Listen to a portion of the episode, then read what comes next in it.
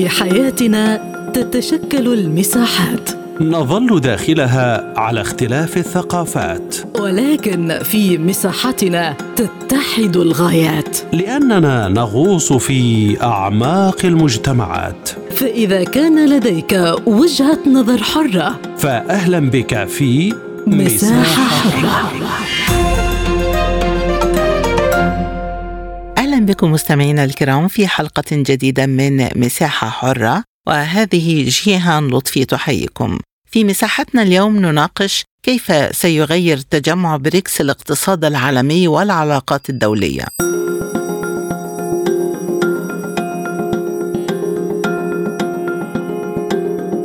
تنطلق في جنوب إفريقيا اجتماعات قمة بريكس 2023 خلال الفترة من الثاني والعشرين إلى الرابع والعشرين من الشهر الجاري بمشاركة رؤساء دول ورؤساء حكومات الدول الخمسة الأعضاء في المجموعة وهم روسيا والصين والهند والبرازيل وجنوب إفريقيا. يشارك في الدورة الخامس عشر للقمة زعماء وممثلون من خمسين دولة في الحدث الذي سيكون الأكبر من نوعه في الجزء الجنوبي من الكرة الأرضية ويشمل ذلك أيضا بيلاروسيا التي تشارك لأول مرة في القمة. وتتصدر أجندة أعمال قمة بريكس الحالية قضية تخلص العالم من هيمنة الدولار وتوسيع عضوية التجمع ويقول رئيس جنوب إفريقيا سيريل رامافوزا إن بريكس قادرة على إحداث تغييرات في الاقتصاد العالمي والعلاقات الدولية.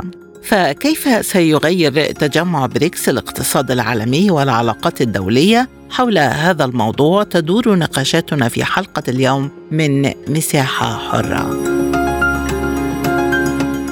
البداية من بيروت ومعنا عبر الهاتف الخبير في الشؤون الجيوسياسية والاقتصادية الدكتور بيير عزار. مرحبا بك معنا دكتور بيير ضيفا عزيزا عبر أثير سبوتنيك. سؤال حلقة اليوم كيف سيغير تجمع بريكس الاقتصاد العالمي والعلاقات الدولية؟ بداية تحياتنا لحضرتك ولكل المستمعين إعلاميتنا مما لا شك فيه. منتدى البريكس أصبح منتدى. سوف يشكل تحول معين في مفهوم ما يعرف بالتجمعات الإقليمية. ولكن مما لا شك فيه وعلينا أن نتيقن كلما اتسعت منظومة البريكس يعني في عدد الدول التي سوف تنضوي في هذا المنتدى كلما ابتعدت المخاوف عن استعمال عملات خارج الدولار لأن هنالك دائما طموح مثل ما الكل يعلم بأنه محاولة من دول البريكس الاستعاضة ولو بنسبة معينة عن عملة الدولار. وكنت أقول بأن هذا الأمر صعب جدا لأن عملة الدولار ما تزال هي عملة الاحتياط على مستوى الكوكب على كل حركية الاقتصاد العالمي. فاليوم نحن أمام معطى حساس جدا. هو طلب كثير من الدول الانضمام إلى منظومة البريك هذا ماذا يؤشر؟ يؤشر في نهاية الأمر بأنهم سوف يلعبون دورا حساسا جدا في بلورة حركية تجارية متعددة الأطراف تنعكس بطبيعة الحال في البعد الاقتصادي العولمي لأنه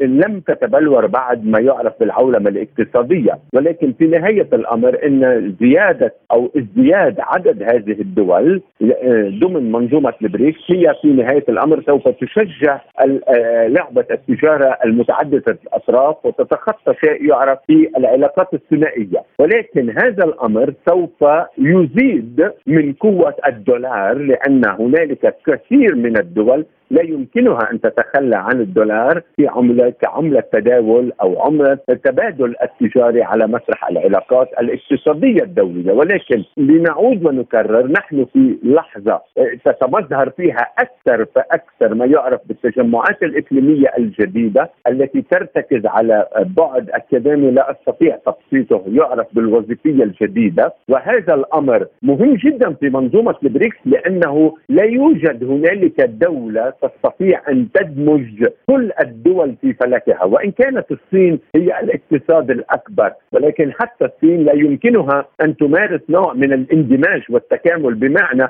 مثلا إذا أخذنا دول مجلس التعاون الخليجي لماذا لا تنجح هذه المنظومة ببلورة عملة موحدة؟ اقلها وهم يتكلمون نفس اللغة ومن نفس الثقافة وهم آه، آه، من نفس الحضارة ولكن في نهاية الأمر هنالك خوف من أن تكون المملكة العربية السعودية الأخ الأكبر يستطيع أن يمتص قدرات كل الأشقاء وهذا أمر يؤدي إلى خلق تذبذبات سواء من ناحية قطر من ناحية الإمارات العربية المتحدة وحتى الكويت. سلطنة عمان تلعب ما بين الاثنين. هذا الأمر فإذا لا ينجح لأن هنالك خوف من قدرة المملكة العربية السعودية، أما في دول منظومة البريكس بوجود الصين وروسيا وجنوب أفريقيا وهي الدولة اليوم الراعية في نهاية الأمر والهند والبرازيل وهكذا يعني. اليوم عندما تطلب المملكة العربية السعودية والإمارات وإندونيسيا مثلا أن تنضم إلى دول البريكس هم يعلمون بأنهم هذا الأمر لا يشكل عليهم خطر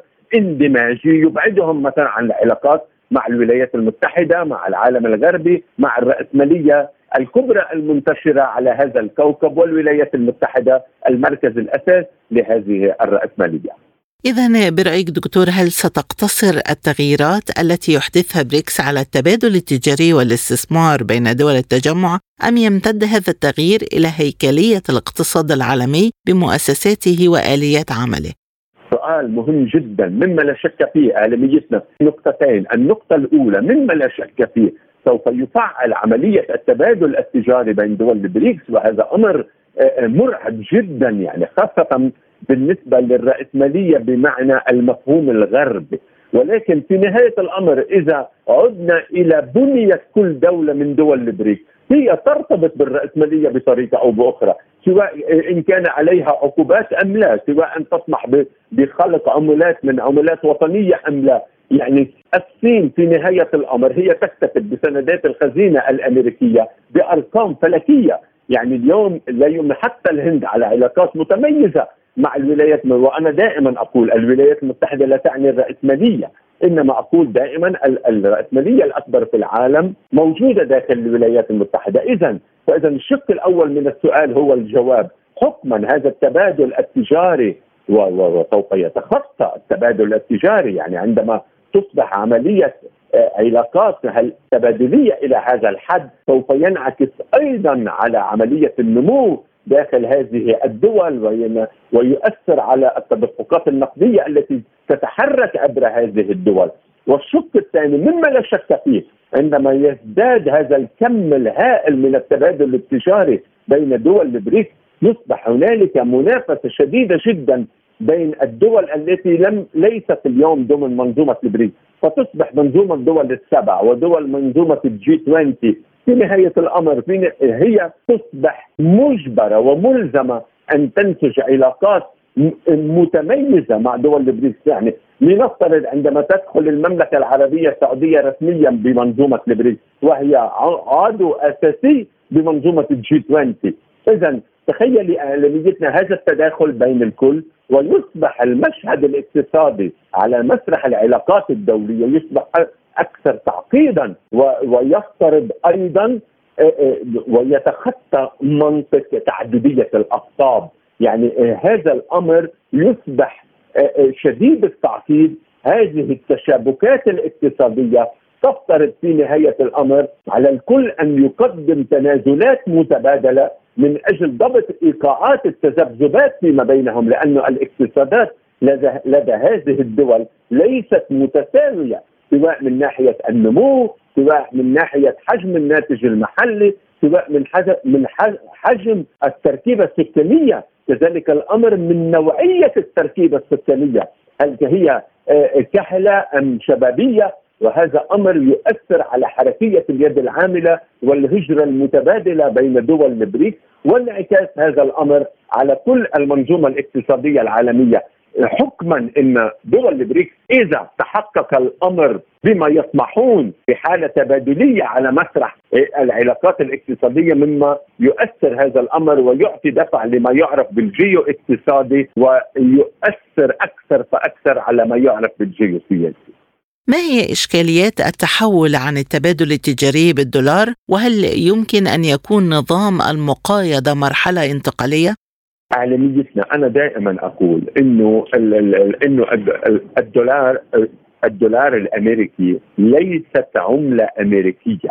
عندما يقتنع الكل ويستطيع أن يتقبل هذه الفكرة، الدولار هي عملة الرأسمالية العالمية، إنما تحتاج هذه الرأسمالية إلى هوية مناسبتها إلى الولايات المتحدة الأمريكية ولا يرتبط هذا الأمر لا باقتصاد الولايات المتحدة ولا بالعجز التجاري لدى الولايات المتحدة ولا بالمديونية الفلكية التي تمتلكها. في نهاية الأمر لا يمكن لأي كان أن يتخلى عن الدولار في المدى المنظور والمدى البعيد ولكن مما لا شك فيه أستطيع أن أقلم أظافر هذا الدولار من خلال خلق نوع من منافسة شكلية اقله بانني يمكن أن أستعيد عنك ولكن أنا الذي يريد أن أتعامل بالعملة الوطنية الروبل والوان و و و و أنا في نهاية الأمر لا أستطيع أن أتخلى عن الدولار لأنني أحتاج بالشركات التي تستطيع أن تمدني بالسلع من أجل تطوير صناعاتي وهون إعلاميتنا ضروري على الكل أن يعلم.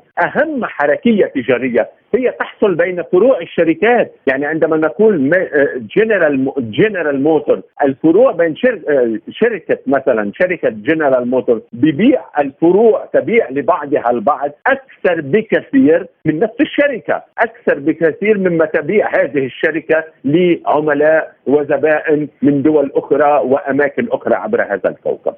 بالنسبة لقطاع الطاقة دكتور ما تأثيرات هذا التجمع أي تجمع بريكس على قطاع الطاقة وعلى مؤسسته الكبرى أوبيك بلس مهم جدا هذا الموضوع. الطاقة هي الأساس. اليوم نحن نعيش صراع ليس كيفية استخراج الطاقة من باطن الأرض أو من باطن الأرض تحت المياه. لأنه في نهاية الأمر تحت المياه هي أرض هي ترسبات جيولوجية تحت البحر. ولكن في نهاية الأمر نحن نعيش ازمه إمدادات الطاقة. يعني الدول لماذا تقوم بالحروب؟ لأنها تريد أن تسيطر على خطوط إمدادات الطاقة. وهذا سبب أساسي من الحرب على أوكرانيا. من أجل منع مثلا مد الخطوط في منطقة البحر الأسود أو أو خطوط أخرى. كذلك الأمر بحر الشمال وكذلك الأمر في منطقة الشرق الأوسط حدث ولا حرج من أسباب الحرب على سوريا. هي تمديدات النفط ما بين تركيا والسعودية عبر سوريا وكذلك الأمر تركيا تريد أن تصبح هي المورد الأساسي وقد حصلت على هذا الامتياز من الجانب الروسي. اذا الطاقة هي الأساس. نحن نعيش أزمة طاقة كبيرة من حيث قلق الإمدادات الطاقة. وما يحصل اليوم إعلاميتنا بالبدء بوضع منصة بما يعرف بحقل كان في لبنان وهو بالنهاية امتداد لحقل كاريش في إسرائيل وهو نفس الحقل. ولبنان خسر كثيرا. يعتقد بأنه له هذا هذا الحقل ابدا هي لإسرائيل. في نهاية الأمر تريد إسرائيل أن تربط الأنبوب عبر مصر وعبر قبرص من أجل التصدير باتجاه القاره الأوروبية من أجل التعويض عن ما فقدته أوروبا من التصدير في الغاز، إذا آه، العلاقات بين بين الصين وروسيا حول الطاقة هي من أساس ثبات العلاقات الاستراتيجية بين روسيا والصين وانعكاس هذا الأمر على منظومة تعاونهم ضمن البريكس وهكذا دواليك في كل دولة نحن ما الذي يحصل في أفريقيا اليوم؟ أفريقيا هنالك أيضا خطوط انبوب النفط والغاز يريدون أن يمدوا أنبوب من نيجيريا من نيجيريا باتجاه الجزائر وهذا أمر يخلق صراع كبير ما بين كل الدول التي لها تأثير في القارة الأفريقية وروسيا أحد الدول الأساسية في التأثير بالقارة الأفريقية والصين وكذلك الأمر أوروبا وتحديدا فرنسا التي يتعرض نفوذها اليوم إلى تأقلم شديد نتيجة أزمة الطاقة. دكتور القواعد الخاصة بانضمام أعضاء جدد لبريكس لا تزال محل نقاش بين أعضاء المجموعة برأيك هل ستؤثر هذه النقطة على أداء التجمع وعلى أهدافه الطموحة؟ هذا سؤال أيضا مهم ولكن اعلاميتنا مما لا شك فيه طبيعي أن يخلق تذبذبات في عملية الانضمام لأن كل دولة من من هذه الدول لديها خصوصياتها. وهذا ما كنت أقوله دائما. لا يمكن مثلا للمملكة العربية السعودية أن تقطع علاقاتها مع العالم الغربي. لا يمكن أن تقطع علاقاتها وشركة أرامكو وهي الأكثر إنتاجية داخل الأراضي المملكة وهي من جذور أمريكية. لا يمكن أن تقطع علاقاتها ولكن أيضا تريد المملكة المملكه أن تقول للغرب والولايات المتحدة أنا أيضا أريد أن أتجه باتجاه الشرق لأن منطقة الشرق هي أسواق ناشئة قوية جدا وأستطيع أن أبني علاقات استراتيجية وتجارية واقتصادية، اذا هذه التذبذبات هي حالة طبيعية. وهي شبيهة مثل ما يحصل بين الاتحاد الأوروبي وتركيا، لماذا يصعب على تركيا اندماجها في الاتحاد الأوروبي؟ تحت منظومة بأنها من المجتمع الإسلامي ولكن في نهايه الأمر هنالك حضارات وثقافات مختلفة تتخوف الدول من هذه التذبذبات. ولكن في نهاية الأمر الكل يحتاج إلى التعاون المتعدد الأطراف. ولو أن الولايات المتحدة تلعب لعبة ذكية دائما تسعى إلى ثنائية العلاقات وتتخطى تعدديه الأطراف لأنها ليست من فلسفة الفكر السياسي الأمريكي التعددية. دائما لديها فكر أحادي وإن لم تستطع ولو للحظة من تحقيقه على مجمل تاريخها باستثناء صعيد الحرب العالمية الثانية قبل أن يستطيع الاتحاد السوفيتي من إنتاج القنبلة الذرية في العام 1949 عشرون دولة تقدمت بطلب الانضمام إلى بريكس إلى أي مدى سيستوعب التجمع هذا العدد من الدول وهل يمكن أن يحدث هذا الكم من الدول ارتباكا أو تعارضا في المصالح داخل التجمع؟ سؤال مهم جدا. أنا أتخوف من هذا التمدد. عندما يصبح الأمر شديد التمدد ابدا هذا الأمر كأنه سوف أعطي أعطي مثالا كاريكاتوريا. عندما تزداد يزداد الدين الدولة يعني الإنسان يستمر في الدين من أجل دفع نفقات ويتدين يدفع نفقات يتدين يدفع نفقات. في نهاية الأمر ينهار. يصبح حجم النفقات حجم الديون كبير إلى حد. لا يستطيع أن عمليه أن يحقق عملية الإيفاء بالدين. اذا كذلك الأمر هذا الاتساع الهائل بعدد الدول بمنظومة البريكس سوف يفقد البريكس حيويتها ويصبح هنالك صراع كبير لأنه كما ذكرت وأسلفت قبل لحظات كل دولة من الدول التي تريد أن تنضوي إلى دول منظومة البريكس هي لديها ارتباطات شديدة التعقيد مع دول وتجمعات إقليمية أخرى إنما هي رأت اليوم أو ارتأت بأن الصين دولة قوية جدا اقتصاديا وروسيا دولة قوية عسكريا لقد ثبتت بحرب أوكرانيا بأنها قوة هائلة بغض النظر عن قدرتها النووية لأن لن نتكلم اليوم عن قدرات نووية، روسيا هي الأقوى في العالم، إنما كجيش كلاسيكي استطاع أن يدير حرب ضمن داخل القارة الأوروبية، هذا أعطى آه، روسيا قوة هائلة. إلى جانب روسيا تمتلك قدرات في الطاقة لا تمتلكها الصين من قدرات في باطن الأرض. الصين ليس لديها هذه الثروات الطبيعية. روسيا لديها ثروات طبيعية ومن من الأمور التي تغري هذه الدول للانضمام إلى البريكس لأن روسيا آه، لديها تأثير كبير على القطب الشمالي. إذا ذاب حصل ذوبان الثلوج خاصة مع التغير المناخي وارتفاع منسوب الحرارة داخل كوكب الأرض سوف يتم ذوبان الثلوج وتصبح روسيا أكبر دولة زراعية عبر العالم ويصبح لديها مساحات فلكية تستطيع أن تكفي كل هذا الكوكب بغض النظر عما تمتلكه اليوم من حبوب وذرة سوى في السهول الروسية والأوكرانية. وهذا أمر مهم جدا ويؤثر على موضوع الغذاء على مسرح هذا الواقع الدولي. من بيروت الدكتور بير عزار خبير الشؤون الجيوسياسية والاقتصادية كنت معنا. شكرا جزيلا لك. وحول أبعاد التغيرات الاقتصادية التي يمكن أن يحدثها التجمع معنا من القاهرة الخبير الاقتصادي الدكتور محمد البهواشي. أهلا بك معنا دكتور محمد عبر أثير سبوتنيك. بداية ما هو حجم التغيير الذي سيحدثه تجمع بريكس في الاقتصاد العالمي من جهة وفي العلاقات الدولية من جانب آخر؟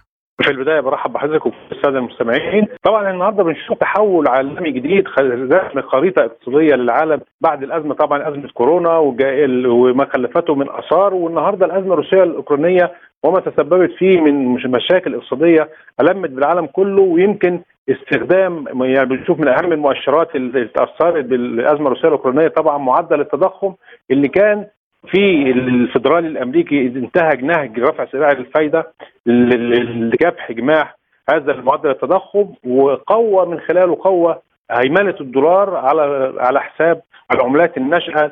فالنهاردة البريكس طبعا هي خطوة جيدة جدا لإزالة الهيمنة الدولارية اللي بيستفاد منها الجانب الأمريكي فقط على حساب باقي دول العالم. فاللي إحنا بنشهده النهارده بزياده الزخم الاقتصادي من الدول البريكس الخمسه اللي هي بتتميز بتنوع اقتصادي ومزايا نسبية بتختلف كل دولة عن الأخرى خلق شيء من التكامل أعتقد إن هو بيعزز فكرة الانتقال خطوة بخطوة إلى اقتصاد جديد يعتمد فيه على العملات المحلية للتبادل التجاري بديل عن هيمنة الدولار في السوق العالمي. بالحديث عن هذه النقطة دكتور القمة تركز على التخلص من هيمنة الدولار برأيك كم من الوقت يحتاج العالم لتحقيق هذا الهدف؟ وهل هو قابل للتحقق في ظل اشتباك الدولار عضويا في التجارة الدولية وفي المؤسسات الاقتصادية العالمية؟ طبعا هو النهارده إحنا بنشوف الهيمنة للدولار ابتدت واحدة واحدة في حالة من التخلي العالمي. طبعا الأزمة الروسية الأوكرانية والما تسببته من أزمة للطاقة أو أزمة للغذاء. النهارده وظهور البريكس وظهورها وتطورها خطوة بخطوة بهدوء. أعتقد النهارده بتزداد قوة البريكس بتزداد جوه وبقى في نموذج يعني العالم كله بيحاول الانضمام إليه اللي طبعا اللي هي في الأساس الهيمنة الدولارية اللي أضرت بالعالم كله. الجميع كل العالم النهارده مضرور من الهيمنة الدولارية في مقابل إن في ممكن يبقى نافذة للانتقال الاعتماد على العملات المحلية. فالبريكس النهارده أعتقد إن هو بديل آمن. العالم النهارده محتاجه يمكن في ظل أزمات عالمية متتالية في وتزداد حدتها يوم بعد يوم فلا بد من خلق نافذة أو خلق بديل يكون في المنفعة متبادلة لكافة الدول وليس للمنفعة لطرف واحد متمثلة في الجانب الأمريكي على حساب بقية الدول. فالهيمنة الدولارية اللي أعتقد إنها هي هيمنة ورقية ليس لها يعني اقتصاد قوي يحميها أو رصيد من الذهب يغطي القيمة النقدية.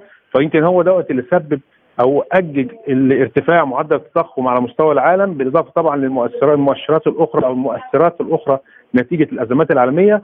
فالنهاردة لابد من وجود نافذة أو لابد من بديل يخلق فيها حالة للمنافع المتبادلة لدول العالم.